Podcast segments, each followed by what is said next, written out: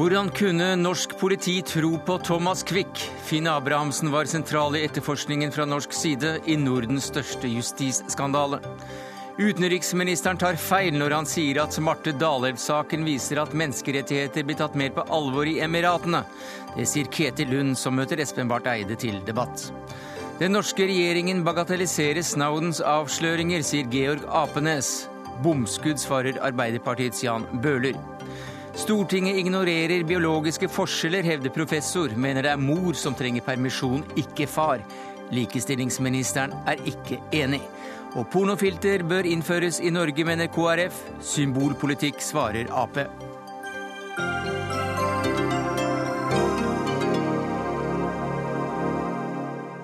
Ja, Det er noen av sakene i Dagsnytt 18 denne torsdagen, der vi også får besøk av mannen som er nominert til fredsprisen for arbeidet for voldtatte kvinner i Kongo. Men vi begynner med den verste justisskandalen i Norden i nyere tid. For slik karakteriserer du Jon Olav Egeland saken der Thomas Quick altså ble dømt for åtte drap han ikke hadde begått. Tre av dem i Norge. Det siste drapet ble han frikjent for i går, og nå forventer du på kommentarplass i Dagbladet at norske myndigheter setter i gang en granskning av sin rolle i saken. Hvorfor det? Dette er helt nødvendig å få avklart hvordan eh, et tunnelsyn i etterforskningen, både i Sverige og etterpå i Norge, fikk lov til å utvikle seg over tid, slik at eh, dette ble den største justismordskandalen vi har hatt. Eh, vi må finne ut hva som sviktet. Vi må finne ut om de metodene som ble brukt, var for dårlige, og hvordan de var for dårlige. Og vi må finne ut om det er systemfeil der ute ennå. Eh, og Det er nødvendig å gjøre både på svensk og norsk side av grensen. Formen kan vi diskutere på det. Men vi har også gjort det tidligere. Eh, F.eks. i justismordskandalen med Fritz Moen så foretok man en meget stor og grundig opprydning etter den. Og Jeg tror det er nødvendig å gjøre dette her, og ikke, ikke bare sitte og vente på at svenskene skal foreta seg noe. Det gjør de jo for øvrig. Hvordan vil du karakterisere politiarbeidet fra norsk side? Altså, Vi vet jo ikke så mye om enkeltheten i det arbeidet, men det inntrykket man danner seg når man leser, eh, leser, seg litt opp i saken, og leser de bøkene som er utgitt eh, av den og går og ser på dokumentene, det er at man på en måte overtar det svenske politiets syn. Man arbeider videre på den teorien som altså har bitt seg fast eh, blant de svenske etterforskerne. Og dette var jo en metode hvor hvor man preparerte mannen og ga ham opplysninger. Man belønnet ham med narkotiske stoffer når han uh, sa de riktige tingene. Uh, man lot ham få lov til å, gå på rekonstruksjoner flere ganger, sånn at han kunne forbedre seg. Altså Hele prosessen av dette var gal fra begynnelsen. Og dette arvet de norske etterforskerne, men heller ikke hos dem ringte jo bjellene uh, helt åpenbart. Finn Abrahamsen, du er tidligere politiårbetjent i Oslo-politiet. Du var også leder av voldsavsnittet i Oslo-politiet. Og dere fikk etter hvert ansvar for alle de tre eh, norske norske sakene knyttet til Thomas Quick, og samarbeidet også med svensk politi om etterforskningen. Hva er din forklaring på at dette gikk galt? Jeg må korrigere en liten ting. At Therese-saken ble kjørt separat fra Oslo. Ja. Den var først, og så kom Oslo inn etter ordre fra Riksadvokaten at vi skulle da få ansvaret for å gå løs på disse Gry Storvik og Trine Jensen-saken. Uh, og det måtte vi da gjøre. Og uh, det var da fra vår side så ble det avgitt én mann i den svenske etterforskningsenheten. Og vi hadde også en jurist som var involvert i dette for å se på de påtalemessige tingene. Og den enheten da jobbet da i sammen. Altså de jobbet da i sammen med svenskene hele tiden. Det var i utgangspunktet svensk politi som uh, gjorde henvendelsen, og som hadde opplysninger rundt dette. De var jo overbevist om at dette måtte være en seriemorder, og at han da hadde begått også disse drammene han hadde fortalt. Det er det som er det spesielle i saken. Han har jo hele tiden hevdet at han har begått disse tingene. Og, og, det gjorde han også i dette tilfellet her. Eh, etterforskningen er, må man jo selvfølgelig da være enige om at det ikke har vært altså riktig sånn som man egentlig bør ha det. Egan snakker om tunnelsyn, jeg er helt enig med henne i det. Man hadde, man, man hadde, ikke noe vanskelig, det var som å gå etter en, en bjellesau. altså Man gikk da etter. Eh, hvis man skal være åpen og ikke tenke på at det skader verken politi eller andre, men politiet må ta sin del av ansvaret. Men politiet er altså ikke alene om denne alvorlige situasjonen som er oppstått. Her snakker vi om presse. Har vært sentralt oppi alt dette her. Gitt om informasjon, matet han med det. Eh, vi har eh, selvfølgelig politiet, det er påtalemyndighetene, domstolene og ikke minst psykiatrien som spilte på lag med politiet. Det er helt utrolig, den historien der. Vi var ikke kjent med at han var så sterkt medisinert altså som uh, det her kommer fram i ettertid. Nei. Så det er jo helt, det er en helt spesiell sak, må du kunne si. Det finnes ikke noe likhet til dette her. Når vi snakker om seriedrapsmenn f.eks., så er ikke han i nærheten av å være lik enn det som vi kaller for seriedrapsmenn, som vi hører fra FBI osv. Vi hadde jo han Greg fra FBI, en pensjonert politimann her oppe. Han så på den saken her i, uh, i ja, var det 2008 da, i TV Norge. Og han sa dette er jo ikke mulig at han kan ha begått dette her. Mm. Det var det han sa. Men uh, dere hadde ikke den kompetansen? Hadde ikke kompetanse nok til det. Men det var altså ikke noe problematisk med to uoppklarte saker som vi fikk ansvaret for. Som man da hårdnakket hevdet at han hadde begått et det betyr da går man etter bjellesauen, for å si det rett. Det er ukritisk, bare kjører i vei og får saken brakt inn for domstolen. Og Det er det som faktisk i uh, utgangspunktet sånn rått sett har skjedd. Jeg mener jo at eh, etter dette så er vi nødt til å se på dette, gå igjennom dette, få en sammensatt eh, gruppe. Noe à la eh, Fritz Moen-saken som du er inne på, og få satt dette i mm. et perspektiv, slik at man unngår i alle fall noe tilsvarende i fremtiden. Men snakket dere med Thomas Quick selv? Nei, det, altså, Kvikk var jo til stede, selvfølgelig. Men det var ingen av våre etterforskere. Vi eh, forbød norske etterforskere å foreta avhør av Thomas Quick. Det var denne svenske politimannen som hadde fått et veldig nært forhold til han, som foretok alle disse avhørene. Og det ble foretatt da i hovedsakelig da i Sverige. Her var han jo eh, kun på det såkalte valning, som de kalte det. Altså sånn rekonstruksjoner, eller hva man kaller det for noe. Man reiser rundt og påviser stedene da. Sannsynligvis med god hjelp at han fant fram til stedene. Det har vi sett i ettertid. God hjelp? Hvordan da?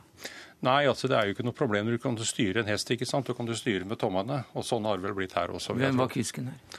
Jeg tror det var eh, politiet som hadde nært forhold til han. Svensk politi? Ja, Vi må da kunne si det. Såpass måpne må vi være og, og være kritiske til det greiene der. sånn.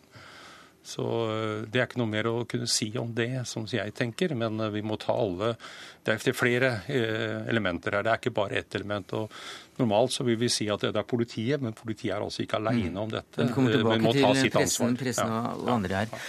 Men la oss holde fast ved politiet, siden vi har, siden vi har deg her, Abrahamsen. Du har selv gått ut og beklaget overfor pårørende tidligere. Mm. Så dette er ikke noe nytt at, at, at, du gjør det, men det er nytt at du, du går så i detalj om hva du selv mener var de feilene dere gjorde. Eh, dere arvet et tunnelsyn, men er det vanlig at norsk politi ikke snakker med en som man tror er drapsmann av norske medborgere på norsk jord? Nei, altså det som er han, eh, på norsk jord, han, Hans opphold på norsk jord, det var i forbindelse med valningen. Men at han hadde drept? Man ja, trodde at han ja, hadde det er riktig det. Det er ikke uvanlig det. Altså Det er vanlig at man da får tillatelse. Vi kunne ha fått det. Eh, har tro, og avhørt den i Sverige. Men vi ønsket altså ikke at våre etterforskere skulle avhøre han. Hvorfor ikke? Nei, vi mente at det var, ville være feil. Hvorfor det? Nei, det var det som var bestemt. Jeg kan ikke si noe annet om det. Eh, vanligvis så er det sånn Her vet vi jo noe om det, ja. Eh, ut, fra, ut fra de, ut fra de ja. bøker som bl.a. er publisert okay. om denne saken. Og det er jo at disse svenske etterforskerne de lukket jo hele systemet rundt seg. Uh, altså ingen andre, ingen kritiske røster slapp til, og de som var kritiske, og som ble trukket inn i etterforskningen på ulike stadier, de ble jo da uh, skvist ut, og, og de har jo siden beskrevet hele den uh, operasjonen som nærmest en sektlignende organisasjon. og jeg syns det er oppsiktsvekkende at norsk politi, i, som du sier, i en, med, i en sak med norske ofre og med masse pårørende, som ennå sitter der ute og må være sjokkskadd etter det som, har, det som er, er rullet opp, at man ikke var mer aktiv i kvalitetssikringen av dette. For det var mange alarmer som, som det var mulig å se her. Eh, akkurat ikke minst det at han var en så utypisk seriedrapsmann. Ja, det fantes jo ikke noe mønster. Altså Disse drapene som plutselig ble tilstått i Norge, de kom etter at han jo på en måte hadde en slags eh, homofil drapsbølge bak seg i Sverige. Eh, metodene var annerledes. Alt, eh, altså alt var amorft. Det, det, var ingen, det var liksom ikke noe form eller farge på det. For her i Norge var det kvinner. Ja. Men eh, du nevner da også uh, at journalister og presten må ta sin del av kritikken. Uh, hvilken del? Nei, altså Dette er som jeg sier, en sammensatt historie når det gjelder ansvaret osv. Og, så og det er jo at vi, vi, er jo kjent med at han hadde jo da en rekke utstrakt kontakt med en del journalister oppi alt dette. Og eh, vi avdekket jo selv et eksempel på det. Og det var jo det, da, de afrikanere han eh, snakket om. De eh, viste at de, de levde jo beste velgående. Det neste var jo det at han begynte med Marianne Rugaas-saken. Han ville ha at han har gjort det også. Den saken gikk vi gjennom en hel sommer sammen med Risør-politiet, og, og, han ble jo veldig fornærmet da vi da fant ut at ikke han bare hadde vært i nærheten av det. I tillegg så kom det en annen sak som ikke vil gå inn på av hensyn til å identifisere. Så det var også et eksempel, men der hadde vi da diskutert litt med etterforskerne, og det var ikke lenge etterpå så kom også begynte han å snakke om den. Og pressens rolle her? Nei, der var ikke pressen inne i bildet. Nei. Eh, det var internt. Det mm. mener jeg. Da har vi det, noe av det samme. Mm. Eh, og han hadde hatt tilgang på, på, eh, kan vi si, historier, drapshistorier. Også fra politiet, og også da fra pressen? Ja, mm. det tror jeg. Og ja, ja. jeg tror bare for å avslutte det, så kan vi si at det jeg tror, det er nemlig det at uh, han uh, han var jo en, en, god altså mester på å lage historier rundt altså disse som han øh, fanget opp etter hvert. Mm. Og han kom jo fram med forslagene selv.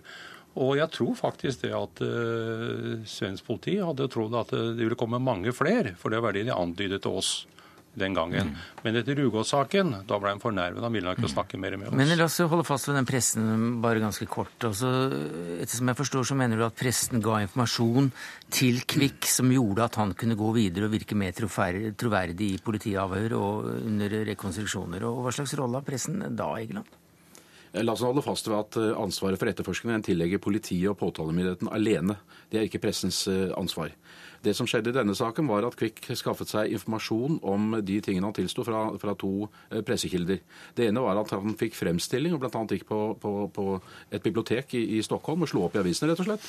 Og det andre var at han fikk tilsendt en del artikler fra norske journalister. Og det er helt klart at det gjorde ham i stand til å, til å bedre, altså til å få en mer korrekt tilståelse. Eh, og etter min oppfatning er det en klanderverdig oppførsel fra journalistenes side. Eh, vi må hele tiden ha i tankene etter min oppfatning, at vi på en måte ikke ødelegger for etterforskning eller bringer den inn på et feil spor. Det, det må vi ha, mm. selv om vi altså ikke er en del og ikke har noe ansvar for etterforskningen. Jan Bøhler, du er stortingsrepresentant for Arbeiderpartiet og justispolitisk talsmann. Hva sier du til eh, denne saken her i dag, og behovet for en norsk granskning? Det er jo veldig illevarslende at uh, man har uh, gjennomført etterforskning av åtte drapssaker, og ikke i noen av de sakene oppdaget noe som ga grunn til tvil.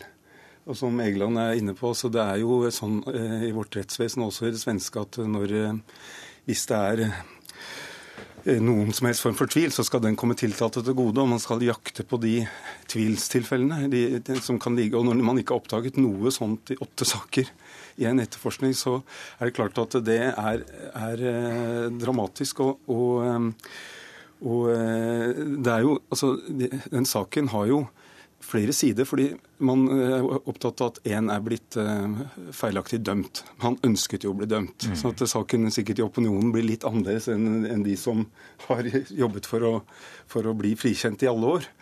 Sånn som i Fritz Moen-saken. Mens det andre siden av saken er jo at det er da et antall mordere som ikke er tatt, som ikke er stilt for retten.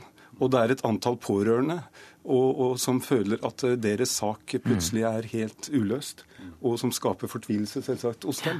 Vi skal komme tilbake til det, men, men, men, tilbake til spørsmålet om også en norsk ja, gransking. Vi, vi, har, vi, har, vært i kontakt, prøvd å få Riksadvokatembetet på, på, banen og statsadvokatembetet. Eh, det er ferie etc. Vi har ikke lykkes der. Heller ikke mm. Politidirektoratet har sagt noe. Og, og departementet henviser til disse andre instansene. Hva sier du som eh, Arbeiderpartiets eh, justispolitiske talsmann? Jeg mener at vi absolutt bør lære av disse av disse sakene, eller den saken og de tre sakene vi har her i Norge, at vi må gjøre det på egen kjøl. Altså sette i gang undersøkelser. Mm, en finne ut hva som er gått galt.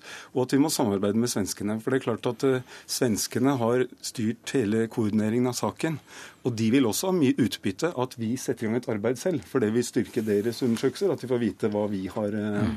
hva vi har ikke bidratt med og burde ha bidratt med osv. Så, videre. så jeg mener at vi både har, bør ha kontakt med svenskene om et samarbeid, og bør sette i gang undersøkelser på egen kjøl. Og det er, jo naturlig at Riksadvokaten gjør de første stegene i forhold til å komme med sine vurderinger, som vi kan eh, gå videre ut ifra. Da får vi spørre om det når han er tilbake fra, fra, fra ferie. Jeg har lyst til å avslutte med deg, Finn Abrahamsen. Når var det første gang du begynte å tvile på at det var Kvikk som var morderen her? Ja, skal vi si om det, da. Jeg hadde jo ikke sånn begynt at jeg kunne få gjort noe stoppet det greiene der, men i utgangspunktet så var vi litt rann Vi var ikke helt overbevist om han. Eh, det var ikke vi. Eh, for noe av dette her eh, passet dårlig i, i bildet. Men eh, vi hadde en sterk, sterk kraft. altså fra Jeg må si, det, det er fælt å si at det, du skal legge skylda på svenskene. Det, men problemet mm. vårt det var jo at vi hadde jo da dette fra ja.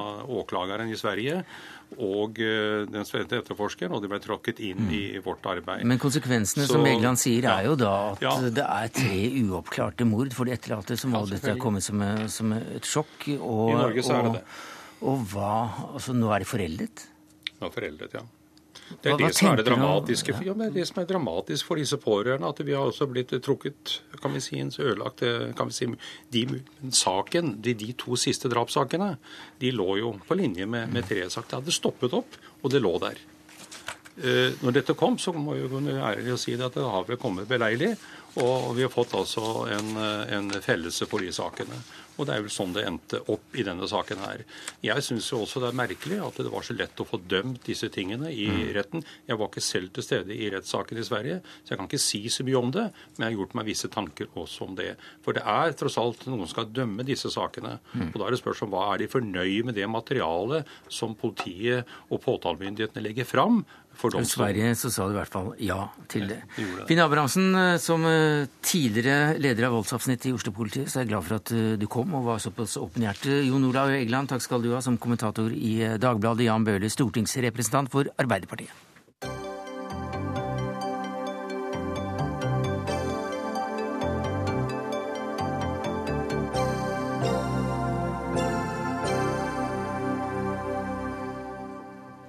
Denne uka kom FNs høykommissær for flyktninger med en rapport om at tallet på voldtatte kvinner i Øst-Kongo stiger kraftig igjen. Samtidig med denne meldingen har Norge disse dager besøk av mannen som er blitt verdenskjent for sitt arbeide for voldtatte kvinner i Kongo, og som nok en gang er nominert til Nobels fredspris for sitt arbeid. Dr. Dennis Mukwege, welcome to Dagsnytt 18. We are so pleased. Thank. Grossist i internasjonale priser, FNs menneskerettighetspris, kåret til årets afrikaner og nominerte altså til Nobels fredspris denne gang av andre Audun Lysbakken. And in your hospital in Congo, you have treated more than 20,000 women. Uh, can you give uh, us uh, an example of, of, what these women have been exposed to? Yeah, uh, in Panzi Hospital, who is in the uh, eastern part of the DRC, this hospital is uh, uh, a general reference hospital treating all cases, but the last 10 years we were really exposed to treat women who were raped and uh, rape in a very bad way with uh, atrocity and brutality. Uh, most of them, when they come to the hospital, is because they have a bad wound on the genital party. How would you describe the situation for these women? Uh, the situation of these women, I think that uh, most of them they are raped in a conflict uh, situation, and uh, by armed men. With uh, yes, with uh, armed men, and they are raping them. rape is using really like a weapon of war it's uh, more than a weapon, it's a strategy. Mm-hmm. Because when they're raping women in public, raping women in front of their husband, in front of their children, in front of their community. Even in the church? Uh, uh, even in the church, I, I still remember one uh, woman who came to me uh, at the hospital, and this woman was raped in front of the member of his parish. She was the wife of a pastor, and the men with guns come in the service, Sunday uh, morning service, and start to rape her in public. And this woman, after to be raped, she was abducted for some months in the forest. And when she came back from the forest, she was pregnant. And she came to the hospital to get delivery. I was very, it was very sad because when she get, she, she got a baby, the family, her own children, refused her to come back mm. with this child. And uh, she, the, the family gave her a choice to come back without the child and let the child to the hospital or to don't come back home. And she, she chose to, to take her, her baby with her, and this was terrible. So the family was completely destroyed, but also the community was destroyed. Det er altså uh, opplysninger som kommer fram her som uh, Ja, det, det, var i hvert fall en kvinne da som, som ble voldtatt i, uh, i, kirken foran menigheten. Mannen var pastoren, presten der. Så ble hun voldtatt foran de og tatt med ut i skogen. Kom tilbake gravid, fødte barnet og ble avvist eh, av, eh, av eh, sine, sine egne.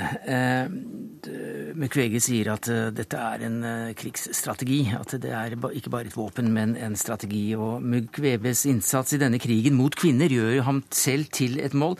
Through your work, you have put yourself and your family at risk. last October, you were attacked by armed men. What happened?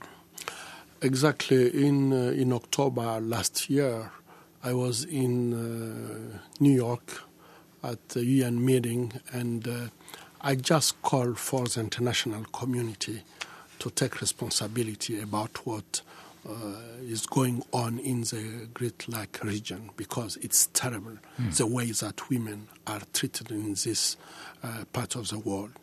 And after this meeting, I returned back in my country uh, normally, but uh, the day that I come back, men with guns was in my house waiting me.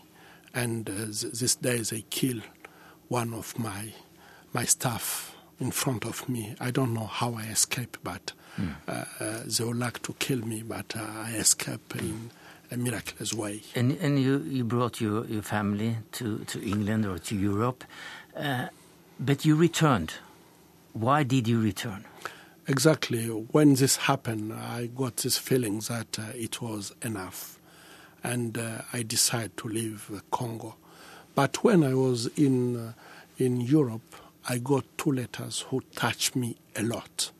Uh, it was a, a, letter written by women of uh, Congo coming from really remote villages, and they wrote a letter to the uh, Secretary General Ban Ki-moon to ask him to send me back to Congo and protect me. They wrote an, another letter to the President Kabila asking, asking him the same. Mm. And when they took the decision that if you don't take your responsibility, we women of Congo will take our responsibility, and they start to even uh, sell fruit and uh, uh, fruit to try to get a ticket, and they said we'll pay our, your tic- uh, ticket back to Congo. So I feel that with this uh, decision, I feel that I didn't get choice. mm. The only choice that I got was to go back and, and they with, with, with, with, with her. And uh, they wanted to protect you. Yes really. As life guides and uh, don't touch our doctor. It was banners or posters. And, uh, Ex- exactly. I think that when, when you came back, w- when I come back, uh, it was thousands of thousands mm. women who came to to wait me, and uh, they, they were so strong that mm. they could they make a speech and ask authorities, mm. ask Monisco if we can't, you can do your job, we'll do it. Han uh, dro også til Europa for å beskytte familien, men ble kalt hjem av uh, kvinnene, som også samlet inn penger til flybillett. Og da han kom hjem, så var det jo da uh, store plakater 'Ikke rør legen vår', og de beskytter ham den dag i dag. I've heard that you are, are satisfied with the support from the, from the British foreign minister. Um, but we are happy uh, and very glad uh, that uh, you just now in Dagsnytt 18 can shake hands uh, with the Norwegian foreign minister, Mr. Espen Barth Eide. Uh, you met him just outside here? Yeah. No, no, it's not the first time. It's not the first time. Okay. We met several. You met uh, Yes, we met, before. yes, before. Uh, Utenriksminister Espen Barth Eide, hva sier du til disse historiene og til en, eh, til en slik uh, frontfigur i kampen mot Ja, for det første må jeg jo bare si at uh, dr. Dennis Mukwege er rett og slett en stor helt. Det er et fantastisk arbeid han gjør både med sykehuset sitt konkret for veldig mange voldtatt og grovt mishandlede kvinner, eh, men også for å, at verdens oppmerksomhet forblir og øker på dette veldig, veldig alvorlige problemet. Både den dype krisen i Kongo for alle mennesker og den særlige eh, utsatte stillingen som veldig mange kvinner har. Jeg har gleden av å jobbe sammen med dr. Mukwege i flere år, og, og har også møttes både her og internasjonalt. Eh, og vi støtter opp om dette arbeidet som gjøres, også både det konkrete og det mer politiske. What kind of support could a small country like Norway give you, Dr. McVeigh? I think that uh, Norway is uh, not only, it's not a, a small country, because I think that on the international level, Norway is a country who is really heard by others. And I think that Norway can play a big role. And I'm very happy to be with the minister here because when William Hague makes the, st- the statement uh, against uh, this uh, the problem of rape in uh, zone uh, area. The British I- foreign minister, Yes, the, yes. the, the British foreign minister. I was with uh, the minister of the foreign affairs of Norway, and uh, I know that. Uh, he is supporting us a lot, and but we can do more because I think that this have to stop. It's not acceptable in our century to see how women are treated. You know, Norway now come to celebrate uh, hundred year uh, of uh, right of voting for women. To think that at this time, hundred year after, we still have women who have no right, who are humiliated on a regular basis, who are uh, violent. I think that all these things should stop.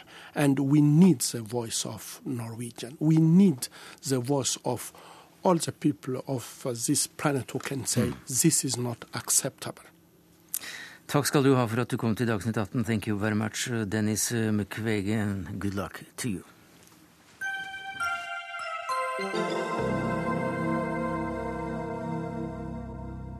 Vi har beholdt utenriksministeren her. For eh, en drøy uke siden så ble jo også Marte Dalelv benådet i Dubai. Det ble sett på som en seier for norsk diplomati, og ifølge utenriksministeren som et tegn på at menneskerettighetene blir tatt mer på alvor i Emiratene. Men i en kronikk i Klassekampen i dag så tilbakeviser du dette, Ketil Lund, som kommisjonær for Den internasjonale juristkommisjonen i Genéve. Hvorfor gjør du det? Uh, Ja, la meg først si at eh, eh, alle er jo veldig godt fornøyd med at denne Dalelv-saken ble løst eh, på den måten som eh, utenriksministeren fikk i stand. Eh, Men eh, det jeg har eh, prøvd å få frem i den kronikken jeg skrev i Dagbladet, det er at det er ikke noen grunn til å si, som utenriksministeren sier, at denne saken er tegn på at menneskerettighetene, menneskerettighetene blir tatt mer alvorlig i Emiratene. Eh, Samtidig med at eh, denne saken ble løst, så falt det dom i en stor sak eh, der nede i, i Emiratene, hvor 94 personer var satt under tiltale for å ha eh, ja, egentlig for bare å ha benyttet sine, eh, sine rettigheter, i og for seg også etter Emiratenes grunnlov, til å eh, argumenterer politisk for å utvikle demokrati og menneskerettigheter der. De ble satt under tiltale for å ha forsøkt å undergrave konstitusjonen, altså endre statsformen, og for å, for å vinne regjeringsmakt. Og denne saken som eh, ble gjennomført eh, fra mars måned fremover, den, eh, der var bl.a. jeg å, som observatør for Den internasjonale juristkommisjon, sammen med en rekke andre for øvrig, fra andre mm. NGO-er. Og vi ble alle avvist og fikk ikke anledning til å observere mm. saken som ble gjennomført. og den, Man kan si at den saken den uh, i og for seg var brudd på så å si uh, alle de vesentligste prinsipper for en rettferdig rettergang. Og den endte med dom uh, nå 2.7, hvor altså 68 personer fikk meget strenge fengselsstraffer. Så Derfor reagerte du altså da utenriksministeren på svar fra Klassekampens spørsmål viser denne saken tegn til at menneskerettigheter blir tatt mer alvorlig i Emiratene. Så svarte altså utenriksministeren det vil jeg si. Hva sier du til dette som, som er Ketil Lunds versjon? Ja, jeg, prøver, jeg leste den eh, kronikken som var både god og interessant, og jeg er enig med alt som står der, så jeg er litt eh, usikker på hva vi egentlig skal være uenige om. fordi at Norge har jo i mange år og ved mange anledninger gjennom de internasjonale foraene vi er med i sammen med Emiratene, tatt opp den alvorlige menneskerettighetssituasjonen som er der, inkludert nettopp den konkrete saken som eh, Lund nevner her, som vi kjenner veldig godt, som er fulgt nøye. Eh, og vi har også påpekt så sent som i år i det som heter Universal Periodic Review, som altså er det instrumentet vi har når vi diskuterer enkeltland i FN, eh, at det har vært en tilstramning på ytringsfriheten. Der er jeg helt enig med ham. Så har vi også sett at det har vært en viss bevegelse på i hvert fall lovgivningsområder når det gjelder bl.a. Eh, fremmedarbeidere. Det er fra et veldig dårlig utgangspunkt. Og noe bevegelse i forhold til barn, og kanskje noe i forhold til kvinner. Og Vårt inntrykk er at fra et i utgangspunktet meget lavt nivå, så er det en bevegelse både bakover og forover samtidig. Eh, og eh, Derfor så har jeg altså aldri eh, påstått eller ment at tilstanden er bra i Emiratene. Det er det ikke. Men at de blir tatt mer alvorlig i Emiratene, ja. at det er et tegn på det, denne saken der den norske kvinnen på, ble benådet, det vil du si? Jeg opplever at altså Dette er jo én konkret sak, mm. og det jeg uttalte meg om er at i dette konkrete tilfellet så bekreftet mine motparter i Emiratene at de så at det var et misforhold mellom FNs kvinnekonvensjon, spesielt eh, to eh, viktige poeng der, nemlig at eh, vold mot kvinner skal etterforskes grundig, og at det skal mm. være likebehandling av kvinner og menn i rettsvesenet. Det er ikke noe utsagn om at det generelt går bedre i Emiratene. På det feltet tror jeg det er en viss bevegelse, og jeg tror også, i likhet med mange mennesker som jobber for menneskerettigheter i Emiratene, mm. at denne saken kan være bevege den tilstanden litt i riktig retning. Ketil Lund. Eh, ja, altså jeg, jeg syns faktisk at det er uheldig på denne bakgrunn at uh, utenriksministeren benyttet akkurat denne situasjonen på dette tidspunkt til å gi uttrykk for at menneskerettssituasjonen nå så å si var bedret i i Emiratene. Eh, altså, vi må jo huske på at jo, denne saken er jo ytterst alvorlig, og den er altså et, et eklatant brudd på menneskerettighetene. og Det er jo en mye mer alvorlig og inngripende sak eh, egentlig enn en denne en Dalelv-saken. Og man kan jo tenke seg at eh, ja, jeg vet ikke. Emiratene de vil jo selvfølgelig være fornøyd med at utenriksministeren gir uttrykk for en såpass positiv eh, holdning til mm. utviklingen der, samtidig som vi altså slår til den grad hardt mm. ned på ethvert politisk spørsmål. Men, men altså, nå, nå, opplever jeg at Gaute Lund forsøker å lage en konflikt som det ikke er noe grunnlag for. fordi at Han kan jo, når han ønsker, gå inn på internett og se akkurat ord for ord hva Norge har sagt i ganske omfattende eh, påstander mot Emiratene så sent som i siste UPR og, og i juli. UPR, ja, altså denne Universal Periodic mm. Review, som ja. altså er instrumentet FN bruker for å konkret diskutere situasjonen i et enkeltland. Der vi har vært tydelige og kritiske nå og mange ganger før. Og det, det, Der er vi helt enig. Men det er altså heller ikke i Emiratene slik at alle ting går i én retning. Jeg er enig i at når det gjelder ytringsfrihet, så går det på mange måter i feil retning. Når det gjelder en del av de spørsmålene som har vært veldig mye fokus på, nemlig utenlandske gjestearbeideres stilling, og når det gjelder kvinner og barn, så er det enkelte små tegn på at det beveger seg i litt bedre retning, og vi er tungt til stede i debattene, og var det lenge før Marte Dalelv. Så, så vi sier, så istedenfor bare å ta utgangspunkt i én setning i et slags portrettintervju om en konkret sak, så foreslår jeg at Lund ser på det Norge har sagt i år og tidligere år om dette i ganske stor detalj. Også når vi har levert pro konkrete protester mot eh, Emiratenes eh, Uh, unntak fra en del sentrale uh, menneskerettighetskonvensjoner. De har, det skal sies om Emiratene, de slutter seg mm. til mange flere konvensjoner enn mange andre arabiske land. De slutter seg vel flere, til flere enn de uh, etterfølger også, kanskje? Det er nettopp det. De slutter mm. seg til flere. Det er bra, for det er godt at land slutter seg til sentrale konvensjoner. Men så, gjør de altså et, så sier de at det er visse sharia-provisjoner som, som gjør at det ikke gjelder. Da kommer vi med klare og konkrete protester. Den siste leverte vi i juli i år. Kvitte Lund? Uh, ja, altså jeg må medgi at jeg har jo i og for seg ikke um, gått inn i alt Utenriksdepartementet har sagt. Nå skal jeg sende deg linken.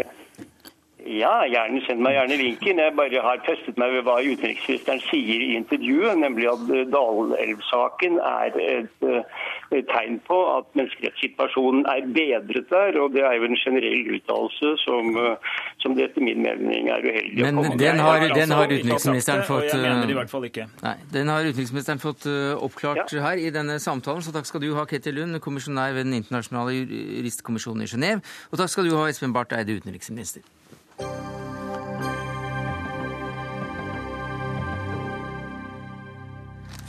Da skal vi over til å snakke om kvinner og deres rettigheter her i Norge. Og vi havner eh, vel borti eh, permisjonsdebatten, vil jeg tro. Men la oss begynne med denne påstanden eh, at politikerne ikke tar hensyn til biologi, Anne Eskil. Du er professor ved Akershus universitetssykehus. For du skriver i Aftenposten i dag at Stortinget har vedtatt bort kjønn. Hva mener du med det? Jeg mener at det på mange måter fattes politiske vedtak som ikke tar hensyn til at kvinner og menn er biologisk forskjellige. Hva er det viktigste? Um, ja, det er mange jeg kan peke på. For meg er jo kanskje uh, det viktigste uh, at uh, dette med foreldrepengeordningen, som jo er best for de som er 50 år, og da kan jo ikke kvinner lenger føde barn.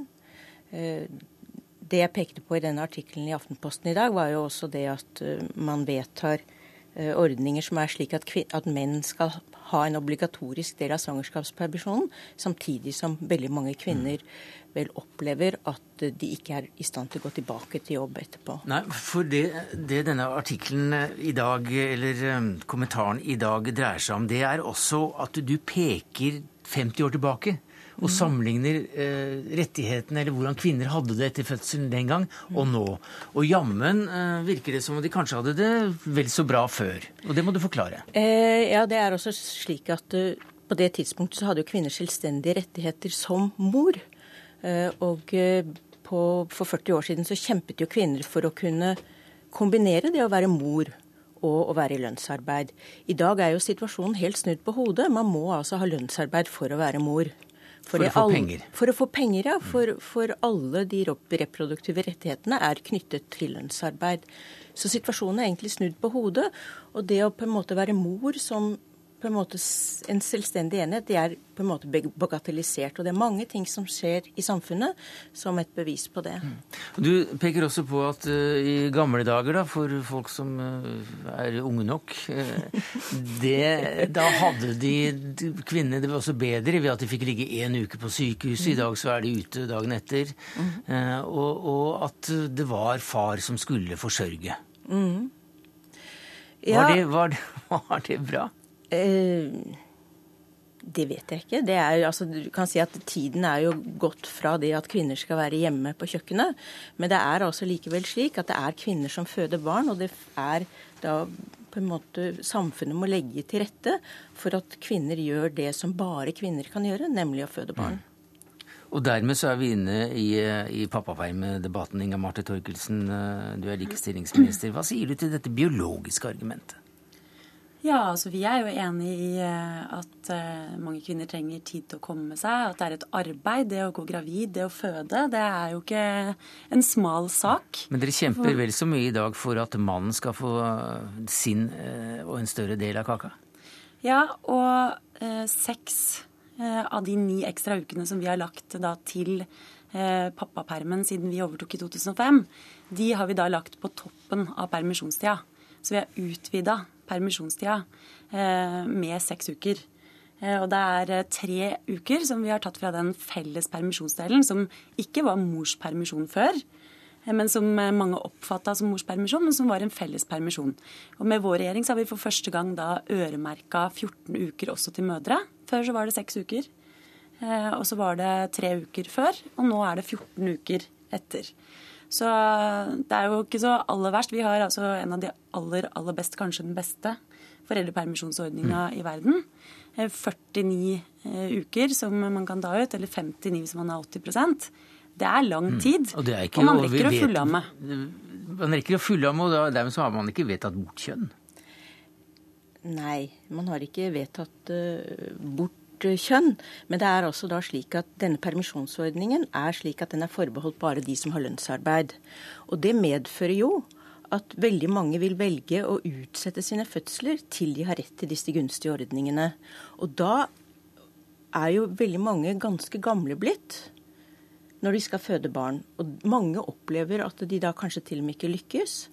Og det å kunne legge forholdene til rette for at man faktisk fødte når det var biologisk mest gunstig, det ville jo vært eh, viktig politisk sett. Og det deler jeg. Så det er jo ting i den artikkelen jeg leste i dag som jeg syns er fornuftig. Eh, og som SV syns jeg i høyeste grad er fornuftig å ta en diskusjon om engangsstønaden. Eh, og f.eks. legge opp til det som SV har i arbeidsprogrammet for neste periode, om at vi burde ha en løpende minsteytelse. Som gjør at det både Eh, skaper bedre vilkår for de kvinnene som ikke har hatt nok lønnsinntekt til at de får foreldrepenger, men som også da ikke minst bidrar til at barna får en tryggere start. Så det deler jeg. Vi kan også diskutere dette med liggetid på sykehus, men jeg er ikke helseminister, så jeg skal ikke gå inn i den debatten der. Men det er en viktig diskusjon. Og ikke minst oppfølging av foreldre, og ikke minst da ammende mødre, Eh, etter at de har kommet ut av sykehus. Det er en kjempeviktig diskusjon. Men det jeg ikke kan forstå, det er den sammenblandinga med eh, viktige debatter som det, med et angrep på en eh, foreldrepermisjonsordning og en pappapermisjonsordning som er så viktig for at barna skal få mer tilstedeværende fedre at fedre skal få større valgfrihet vis-à-vis -vis sin arbeidsgiver, definere sin kjønnsrolle eh, og gjøre det viktigere også for menn å delta i omsorgen for barn. Og siste det er at kvinnene da også får større valgfrihet ved at de lettere kan gå tilbake til arbeid og sånn sett forsørge seg sjøl og bidra med mm. økonomi til familien. Ja, altså, Det er jo ikke slik at, at menn ikke er viktig for for, for, barn. Men det er jo heller ikke slik at det er helt nødvendig at menn skal passe på et spedbarn. Eh, det må jo kunne da være slik at familiene selv kan velge hvilke ordninger de vil ha. F.eks., slik som jeg skriver i Aftenposten i dag, så er det mange kvinner som opplever store medisinske komplikasjoner knyttet til fødsler, og de trenger lang tid å komme seg etter dette. Og i slike familier vil det kanskje være behov for kvinnen for å få ekstra lang permisjon før hun går tilbake i fullt arbeid. Og det kan hun også, for i dag så er det jo sånn at uh, det er en stor fleksibilitet knytta til ordninga. Og som jeg sa, det er altså seks uker som vi har lagt på topp toppen av en allerede ganske gunstig permisjonsordning da vi overtok i 2005, og som vi har øremerka til fedre. Og så har vi tatt tre uker fra den felles permisjonstida.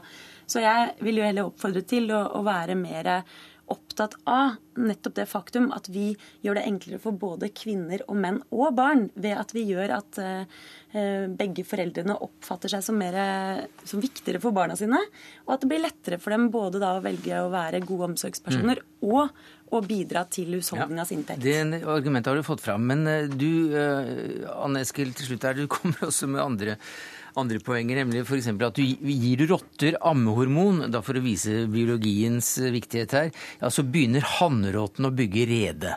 Mm -hmm. Er det et argument i kostholdsdebatten før, eh, før fødsler?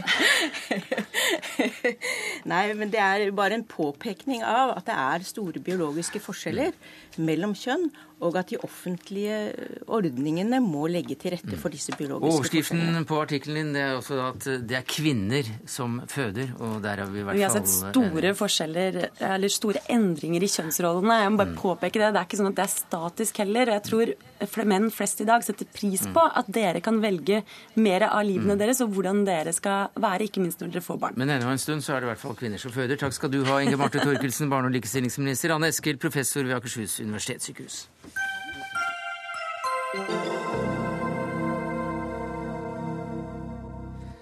Hvor blir det av debatten etter Snowden-saken? I Tyskland er overvåkningsavsløringene et av de hissigste temaene i valgkampen.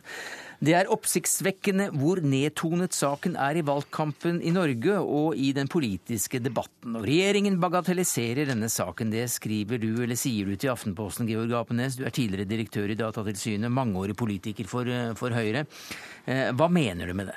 Jeg mener at denne saken er så stor og så viktig, og konturene så vanskelig å få øye på, at eh, jeg syns det er underlig at ikke Stortinget og stortingspartiene eh, forlanger av regjeringen rett og slett at den skal redegjøre for hva dette betyr for nordmenns muligheter for å kommunisere uovervåket seg imellom. Ja, Hva sier du til det, Jan Bøhler, fremdeles justispolitisk statsmann for Ap? Jeg er eh, enig i at dette er en viktig sak. Jeg diskuterer den gjerne. Og, og eh, fra første stund, når vi ble kjent med eh, dette som kom opp i nyhetene, så har jo regjeringen tatt kontakt med amerikanske myndigheter og fått foreløpige orienteringer, samtaler borte i Washington. Og det er avtalt noen nye runder mellom spesialister og eksperter fra Norge og, og USA. Er borte nå og rett over sommeren.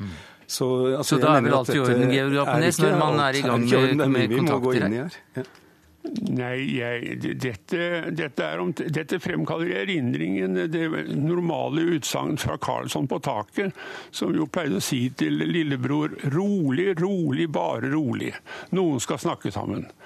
Og jeg tror at saken er mer eksplosiv, har større og mer dramatiske perspektiver enn det vi er villige til å innrømme med at man skal sparke ballen foran seg til en gang etter eh, sommerferien, og, og, og samtidig da nedover til, til byråkratene i, i Washington og Oslo. Det syns jeg heller ikke er tilfredsstillende. Dette er en politisk sak og ikke en administrativ sak. Ja, det er i høyeste grad en politisk sak, og vi må jo eh, da bygge på kunnskap. Jeg vet ikke hvem som er Karlsson på taket og lillebror her. Det er jo, det er jo en fin fortelling i hvert fall. Men, men det som eh, vi må finne ut, er jo eh, det som er vårt system i Norge, hvor vi har åpenhet rundt disse tingene. Altså borgerne skal vite hva det er som kan innhentes av informasjon hvis de, kommer, hvis de begår kriminalitet osv. Hva som lagres. Eh, som vi har diskutert i datalagringsdirektivdebatten, hvor Apenes har vært uenig, men det er åpenhet om det i Norge. Borgerne skal vite. Og det er jo problemet her, at dette PRISM-programmet er hemmelig.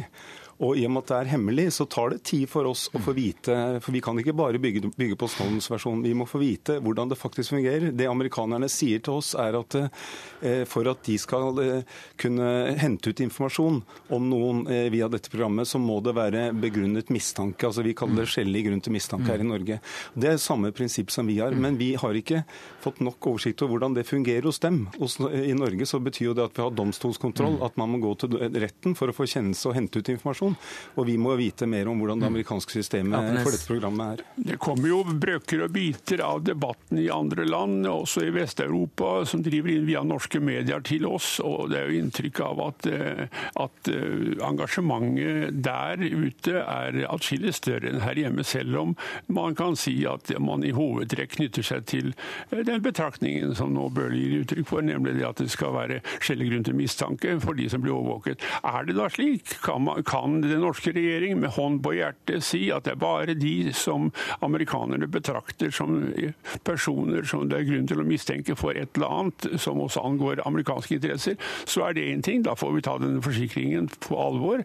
Men, men er det mer flytende, er det mer konturfattig, så, så er, er, bekymringen stor. Og den er den altså både i England, i, i Tyskland ikke minst, i Frankrike og, og i andre land. Men ikke i Norge. Ikke Norge, nei. Og vi er jo på full fart inn i en valgkamp. Man skulle tro at nettopp den type ideologiske spørsmål og utfordringer i et liberalt demokrati, som det norske liker å kalle seg, skulle påkalle både energi og engasjement. Men nei da, absolutt overhodet ingenting. Ja, Vi er altså bekymret, men vi må vite om hva vi har grunn til å være bekymret for. Det amerikanerne har sagt til eh, norske myndigheter, er at det ikke er overvåking av vanlig internettbruk, men at det er, eh, skal være grunn til mistanke før man eh, går inn på denne måten. Vi vet ikke nok om hvordan, hvordan systemet deres fungerer.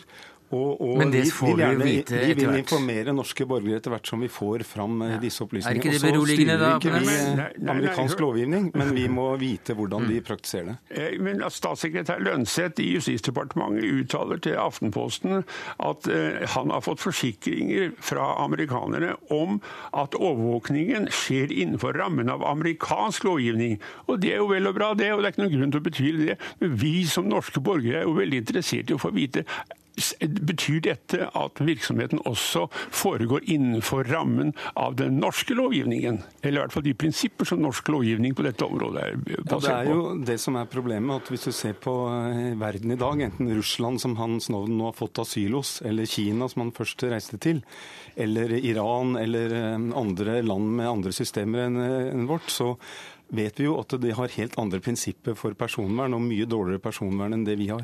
Og i og med at nettet er internasjonalt, så må vi jo dessverre advare norske borgere som legger ting ut på nettet, at man er i risikosonen i forhold til hacking og typer overvåking som norsk lovgivning ikke kan kontrollere. Apenes, sånn er jo verden, og den verdenen må jo vi eh, leve i, selv om vi er eh, prinsippsterke når det gjelder personvern. Apenes, hvilke oppfordringer vil du da komme med til, til norske politikere og den norske regjeringen nå i valgkampsammenheng? Jeg syns at Bøhle var inne på en ganske god formulering akkurat i det siste han sa, nemlig at man kommer med en oppfordring til norske borgere om å være forsiktige når det gjelder valg av kommunikasjonskanaler. Pass deg på det, pass på det, pass på det. Da kan du risikere det og det og det.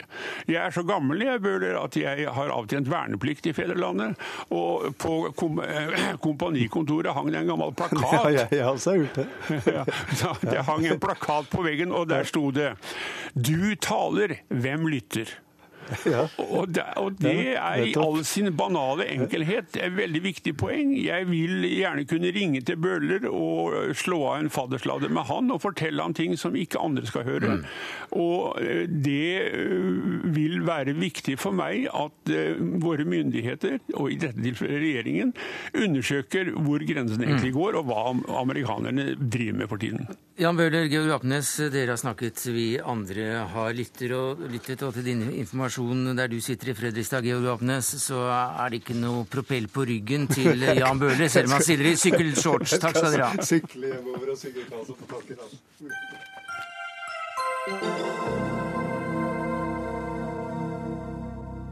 En ny og omstridt lov om porno på internett er vedtatt i Storbritannia, og denne nye loven vil i praksis prøve å fjerne pornografi fra padder, mobiler, PC-er og laptoper i de tusen hjem. En riktig god idé, mener dere i KrF. Kjell Ingolf Ropstad, hvorfor det? Jeg syns det er forbilledlig den kampen David Cameron har valgt å kjøre. Han eh, tegner opp et bilde. altså I balansen mellom frihet og ansvar på internett, så har vi svikta det ansvaret vi har for barna våre. Og Derfor så har han eh, bestemt seg for å kjempe en kamp eh, for at barn skal ha en oppvekst der de er beskytta fra porno. Og må huske på at Dette er jo ikke bilder som er Playboy eller noen sånne ting. Det her er hardporno veldig ofte. og Han tegner jo opp enda sterkere kamp mot barnepornografi, som vi heldigvis har gjort mye i Norge. Og, og det som han foreslår, er jo at alle internettleverandører eh, er blitt tvunget, og han har faktisk inngått et samarbeid med sånn at 95% av alle leverandørene er enig. Sånn at når vi som forbrukere eh, bestiller internett og skal registrere oss på kontoen på Get eller Altibox eller hva det er for noe, så kan du der eh, da velge om Eller da, da vil det automatisk i, i Storbritannia bli sånn at det filteret vil være på, sånn at ungene ikke skal komme inn på, på pornografi. Men du kan òg velge å trykke nei. Vi i KrF har foreslått at vi vil eh, sørge for at alle internettleverandører og også mobilleverandører, sånn at du nevner jo pad og iPhone og andre ting, sånn at eh, alle blir, det blir et krav om at alle skal tilby et gratisfilter, sånn at du sjøl kan iallfall som foreldre da velge å takke ja til det filteret. Kari Henriksen, som stortingsrepresentant for Arbeiderpartiet, så mener du at dette pornofilteret ikke er noe god idé. Hvorfor ikke? Nei, jeg syns det er viktig at barn og unge får en trygg oppvekst. Eh, og det er vi i Arbeiderpartiet veldig for. Men jeg eh, oppfatter at denne ideen om dette pornofilteret er veldig vag. Og jeg lurer liksom på hva slags porno skal, det, skal dette filteret ta bort? Her syns jeg en blander Eh, Kjell Ingolf Ropstad snakker nå i det ene øyeblikket om grov og uh, seksualisert vold mot barn og unge. Det er helt enig i, det har vi lovverk i dag. Det har vi også lovverk som forbyr å, distribuere dette på nett. Men så har vi også en, en, porno som er lovlig i dag. Og vi har kunst, vi har uttrykksmidler via film, blader f.eks. I, i nettkiosker og sånn. Så hvis Kristelig Folkeparti ønsker å trekke opp en verdidebatt, så opplever jeg at de nå er på en, en sånn litt sånn tendensiøs reise innenfor pietismen og moralismen, der de sauser sammen veldig mye i den pornografidebatten. Mm. Og der mener jeg at vi har helt andre virkemidler. Og bare for å ta det med Et øyeblikk, vi må nesten ja. få et svar på det. Ja, Det interessante er jo at vi går jo ikke engang så langt som, som, den konservative statsministeren i Storbritannia, David Cameron, gjør. Eh, og det vi har foreslått, er jo faktisk at bare at vi skal hjelpe foreldre som har en uh, uttalt bekymring for at ungene deres skal ha en hverdag uten pornografi. Men du hører, du sauser sammen masse begreper og ja, ja, men hvis du, hvis, hvis, du, hvis du, hører på David Cameron når han taler ja, nå, nå som han er på deg, og, ja, og jeg kan og, gjenta det samme budskapet. da. Han ønsker å hjelpe foreldrene, og så understreker han at det er foreldrene sitt ansvar. Men vi som myndigheter har òg et ansvar sammen med foreldrene, sammen med internettleverandører, sammen med skolen og så andre for å bidra til gode holdninger. Og dette vil jo bare være et verktøy, for vi er helt avhengig av at det er bedre holdninger blant barn. Men det som jeg, Et øyeblikk, ble du beroliget av det, Henriksen? Ja, nei, altså jeg tror jo at jeg, jeg tror vi er enige liksom om virkemidlet, nei, om målet i hvert fall når det gjelder den, den, eh, grove pornoen. Men bare til den undersøkelsen som er grunnlaget for en del av den debatten som Kristelig Folkeparti reiser, så er det altså 60, 66% av de unge i Norge som ikke, mellom 9 og 16 år som ikke har vært inne på pornosider. Og da tenker jeg kanskje det er den politikken som Arbeiderpartiet og regjeringa har ført i de siste årene, der vi nettopp har sagt at seksualitet er viktig, riktig, det er godt og det er sunt. Og hvis vi skal diskutere verdispørsmål, så må vi diskutere hvordan skal vi lære barn å bli kjent med sin egen seksualitet? Hvordan skal vi lære barn å ta ansvar? Hvordan skal vi lære barn å vise respekt? Og hvordan skal vi lære barn hva som er rett og galt innenfor seksualområdet? Men kan vel gjøre det med et pornofilm? Ja, en kan gjøre det med et pornofilm, men det er der jeg hopper litt av. For når vi snakker om den grove volden, så har Arbeiderpartiet også vært tilhenger av det som heter datalagringsdirektivet. For det grov vold og utnyttelse av barn, det er en internasjonal business. Det er en svart, skitten business sist. Der har vi sagt at der må grensa gå mellom friheten til den enkelte og det å kunne foreta etterforskning. Så vi vil øke den ramma med tre måneder. Men da sier mm. Kristelig Folkeparti nei, for det går på bekostning av individenes frihet. Og det er der jeg hopper av. Men, men det interessante er jo at i hvilken som helst annen sektor så er vi som politikere opptatt av å beskytte ungene våre. Vi snakker om TV, vi snakker om i blader, bilder, kiosker, reklame osv. Men internett har egentlig ikke den store debatten rundt dette vært. Og jeg tror ikke at en niåring har godt av å se på pornografi. Men hva skal men inn Dette er foreldrene sitt ansvar. Men, et øyeblikk, unnskyld at jeg avbryter deg, Ropstad. Men uh, hva skal inn her? Og så blir det da er det nakenbilder?